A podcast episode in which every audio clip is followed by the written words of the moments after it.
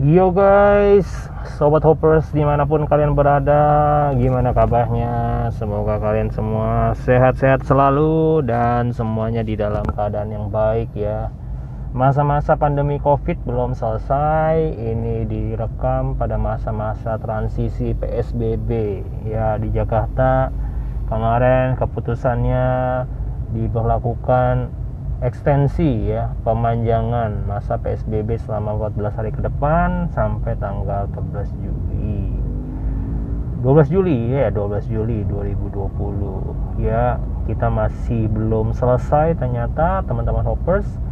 Tapi hari ini saya mau uh, bahas ada beberapa sedikit fenomena yang sedikit menarik selama masa extension PSBB ini. Ya Selain yang pertama, tentunya gelagat atau geliat daripada roda perekonomian Indonesia. Yang mungkin hari-hari ini teman-teman juga bisa melihat dan menyadari bahwa uh, ekstensi atau kelonggaran dari masa-masa PSBB ini sudah mulai dilakukan dan banyak sekali perusahaan-perusahaan yang sudah kembali aktif di pada uh, line-line position mereka bank sudah mulai buka mall sudah mulai aktif. Per tanggal kemarin 15 Juni ya. Kemudian rumah ibadah juga sudah mulai uh, aktif. Dengan beberapa persyaratan protokol-protokol kesehatan tentunya. Dan banyak sekali hal-hal yang sudah diberlakukan dan uh, kembali aktif gitu ya. Jadi secara tidak langsung uh, roda perekonomian sudah mulai menggeliat beberapa karyawan yang tadinya WFH WFO jadi sekarang sudah banyak sekali yang sudah full ya. Hampir mungkin sudah starting to recovery ya. 80% mungkin sudah start to work from office. Um, itu yang menjadi sebuah hal yang kita bisa cermatin ya. Jadi jalan-jalanan udah mulai normal kembali guys. New normal ini membuat jalanan Jakarta semakin padat dan udah kembali deh terasa macet-macetnya gitu ya. Di mana-mana orang udah banyak banget mobil motor berseliweran di mana-mana jadi uh, itu yang satu hal yang saya sadarin bahwa new normal ini kembali membuat kota Jakarta menjadi uh, macet. Macet kembali gitu ya aktif kembali di di segi ekonomi dan kembali macet. Dan tentunya saya melihat bahwa hal ini juga berdampak kepada angka ya angka angka penyebaran COVID di Indonesia cenderung naik ya. Uh, bahkan saya lihat satu minggu terakhir ini ini saya rekam pada tanggal 2 Juli. Jadi satu minggu terakhir ini saya bisa melihat bahwa angka penyebaran positif corona di Indonesia yang di, diumumkan oleh uh, juru bicara COVID uh, Ahmad Yuryanto Bapak Ahmad Yuryanto itu menyebutkan angka di atas 1000 1000 uh, angka uh, yang terkena uh, dampak positif ya terindikasi positif terkena covid gitu. Di atas 1000 guys. Bayangin itu cukup banyak banget ya. Kalau menurut saya angka itu cukup banyak. Walaupun kalau orang banyak bilang ya lebih kecil lah dibanding negara-negara seperti Amerika Serikat dan Italia tunggu dulu kita juga nggak ngebandingin sampai sejauh itu. Cuman kita ngelihat dari secara uh, populasi pertambahan itu cukup signifikan. Walaupun uh, banyak media-media mainstream sudah mulai menyiratkan bahwa jangan terlalu banyak mengumbar lah berita-berita negatif tentang covid. Tapi sekali lagi ini bukan sebuah hal yang perlu juga diberangus atau ditutup-tutupin bahwa angka penyebaran covid menjelang masa transisi PSBB menuju new normal ini justru menurut saya agak sedikit mengkhawatirkan karena angkanya menembus angka 1000 ya daerah sebaran tertinggi tentunya di daerah Jawa Timur dan Jakarta DKI Jakarta. Ini yang menjadi concern di mana saya tinggal juga di Jakarta gitu guys. Semoga sobat hoppers yang di mana pun kalian berada juga kalian juga tetap waspada. Nggak mengatakan bahwa oh saya di daerah yang nol kok minim covidnya jadi saya nggak pakai masker. Enggak jangan seperti itu ya guys. Jadi uh, ada baiknya di masa-masa pandemi ini di mana pun kalian berada tetap ikutin protokol kesehatan walaupun mungkin kasus-kasus minim atau kasus-kasus di, di, di kota kalian jauh lebih sedikit dibandingin Jakarta ataupun kota-kota besar lainnya atau Surabaya seperti itu. Jadi dihimbau ikutin protokol kesehatan. Ya orang sehat orang sakit gunakan masker ke mana-mana cuci tangan ya. Jangan saling bersentuhan dulu jangan salaman. Dan lebih baik kita uh, mencegah lebih baik daripada mengobati guys. Ya itu itu prinsip utama lah safety first.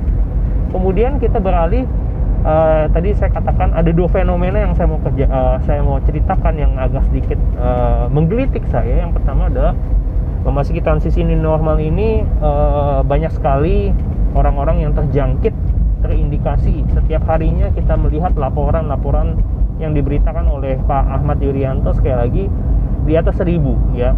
Seminggu belakangan inilah bulan Juni ditutup sampai ke awal Juli uh, sebuah angka yang cukup mengkhawatirkan sebuah angka yang cukup menggambarkan sebuah fenomena di mana kecenderungan pertambahan Eh, orang-orang uh, yang terjangkit virus COVID ini semakin bertambah, bukan semakin menurun ya guys ya. Jadi uh, orang bilang sekarang kita sudah menurun, enggak. Malah menurut saya ini cenderung naik ya. Ini yang mengkhawatirkan justrunya. Jadi ini belum slope yang paling puncak. Ini masih slope uh, yang yang menuju puncak gitu. Uh, di mana total seluruhan yang terjangkit virus COVID ini tercatat di Indonesia per 2 Juli itu 59 ribuan guys ya uh, satu angka yang cukup fantastis ya. Angka kematian sudah menyentuh angka 2900 ya orang banyak klaim ya sembuhnya juga banyak sih gitu ya. Jadi tapi saya nggak terlalu concern masalah itu gitu loh. Saya concern adalah jumlah uh, case new cases new casesnya ya kasus barunya. Itu yang jadi concern saya. Tapi fenomena yang menariknya adalah yang pertama adalah uh, memasuki transisi new normal ini herannya banyak orang yang jauh lebih kelihatannya lebih uh, selebor ya menurut saya ya hoppers ya. Mungkin hoppers bisa membenarkan atau bisa mengecek dari keadaan lapangan gitu ya.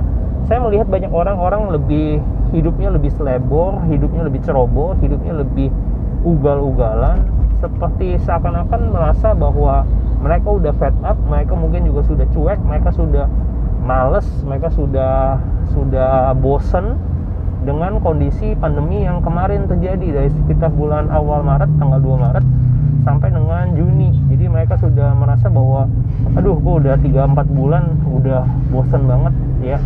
Jadi fenomena yang cukup menarik yang dilihat adalah ketika orang-orang kebanyakan orang merasa bahwa new normal itu seperti uh, covid itu sudah hilang gitu hidup mereka lebih lebih berani gitu ya lebih lebih lebih menurut saya lebih menantang bahaya gitu lebih banyak menantang bahaya. Ya tidak dipungkiri ada bahwa bahwa ada hal-hal yang memang kita mesti realistis bahwa ya kalaupun kita istirahat walaupun kita uh, kerja nggak di di rumah terus nggak kerja gitu gimana dengan ekonomi gitu? Ya mungkin enak orang-orang yang berduit orang-orang kaya perusahaan-perusahaan besar yang mereka masih bisa survive. Nah kalau yang kecil gimana? Ya saya juga nggak mengatakan bahwa kita uh, leha-leha di rumah juga gitu. Tapi memang kondisi ini memang sebuah hal yang memang sebuah yang uh, dilema memang buat semua masyarakat lapisan mana pun. Ya bukan hanya orang yang di bawah yang terkena dampaknya tapi semua orang dari seluruh lapisan dari bawah ke atas dari yang paling mungkin kekurangan sampai yang kelebihan pun orang juga katakanlah dampaknya. Semua ini banyak banget ya. Bukan hanya satu negara juga. Semua satu resesi global ya keseluruhan. Tapi yang anehnya adalah kecenderungan orang di Indonesia yang saya amatin adalah mereka jauh lebih berani pada saat uh, jumlah uh, kasus covid yang bertambah seribu seribu itu mereka justru lebih berani kalau dulu waktu satu sampai puluhan itu mereka udah takutnya setengah mati untuk melakukan aktivitas ya. Jarang untuk keluar keluar mau sepi. Ya di luar tuh semua pada ya nggak ada yang namanya berani nongkrong. Nah sekarang waduh nggak usah ditanya guys. Yang nongkrong banyak. Udah nongkrong banyak udah gitu banyak yang ngapain masker lagi. Waduh kacau kacau kacau ya. Yang kedua ini fenomena yang juga cukup menarik saya nggak tahu teman-teman juga nyadarin atau enggak. Yang fenomena kedua adalah selain orang lebih berani ya untuk di new normal ini masa transisi psbb ini uh, yang kedua saya melihat bahwa ada fenomena yang menarik juga di masa-masa transisi PSBB ini yakni apa? Yakni komunitas sepeda. Iya bener ya buat teman-teman yang uh, termasuk salah satu goeser termasuk salah satu pencinta sepeda ya uh, saudara mungkin bisa ngomong uh, hoppers bilang yes yes yes gitu ya.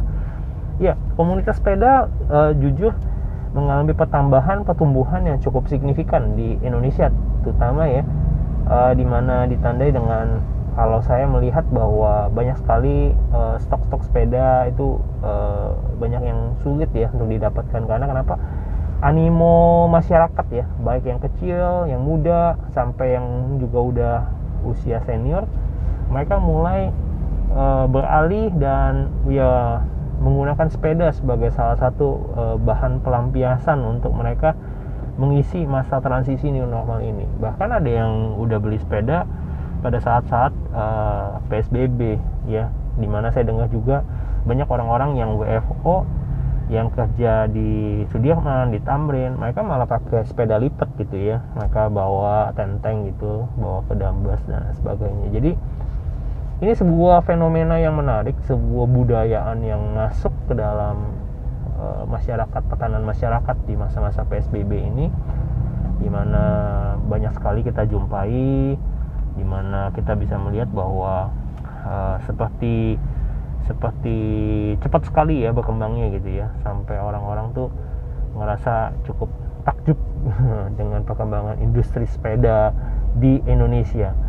Uh, good thing sih, ada hal-hal yang good things ya karena itu kan olahraga, tapi tetap uh, saya menganjurkan buat teman-teman hoppers yang juga goeser yang termasuk juga pecinta uh, sepeda untuk tetap mengikuti protokol kesehatan sekali lagi ya. Jangan lupa pakai masker jaga kesehatan jangan terlalu apa uh, mengambil hal-hal yang beresiko ya kumpul-kumpul sama komunitas boleh tapi uh, jaga jarak dan jaga kesehatan selalu ya. Social distancing healthy first gitu ya. Jadi safety first yang mesti standar-standar protokol yang harus diikutin ya diikutin gitu ya tapi itu menarik sih dua hal yang yang menurut saya cukup menarik. Satu uh, people lebih cenderung berani ya lebih cenderung uh, they seems they are no longer scared they are no longer fear uh, terhadap covid gitu ya. Sisi lain komunitas sepeda bertambah gitu ya semuanya pada banyak beli sepeda lipat dan lain sebagainya. Nggak cuma sepeda lipat sih sepeda banyak. Pokoknya in, ya, intinya adalah komunitas sepeda bertambah di masa-masa psbb ini. Mungkin teman-teman ada yang mau tambahin mungkin teman-teman juga ada yang menyadari bahwa ada eh ada fenomena lainnya nih yang yang yang yang yang yang muncul juga gitu. Ya pasti ya orang banyak yang muncul di Instagram banyak artis-artis banyak uh, banyak pelaku-pelaku art yang memang juga minim dapat kesempatan di panggung mereka mau tidak mau menggunakan sosial media ya itu udah pasti gitu. Jadi salah satu bentuk alternatif di mana mereka uh, mencari sebuah platform pasti itu ya. Ya mereka mau apa lagi? Uangnya yang mereka kerjakan uh, pekerja seni itu kan di TV tapi mereka nggak dapat panggung jadi mereka cari platform lain gitu mau nggak mau gitu. Tapi ya um, itu menurut saya sih sementara aja sih ya. Fenomena yang nggak terlalu gimana gimana gitu buat saya gitu. Yang saya sadari itu sih uh, komunitas sepeda sama orang-orang semakin berani gitu ya. Kayaknya makin banyak nih orang udah bosen kali ya sama PSBB gitu. Jadi berani nggak pakai masker kumpul-kumpul kongko-kongko hangout waduh ya semoga hoppers yang mendengarkan jangan jadi orang-orang yang yang mengabaikan yang menjadi petunjuk arahan daripada pemerintah kita. Ya stay safety ya keep wearing your face mask. Dan jangan lupa kalau memang ada face shield dipakai. Dan ya jaga kesehatan selalu. Sering-sering cuci tangan. Ya oke okay, thank you hoppers makasih udah dengerin cerita aku hari ini semoga kita bisa ketemu lagi di lain waktu, lain kesempatan di cerita yang berbeda. God bless you all, keep safe, brother, sister, and stay blessed. Hoppers, God bless you all. Bye.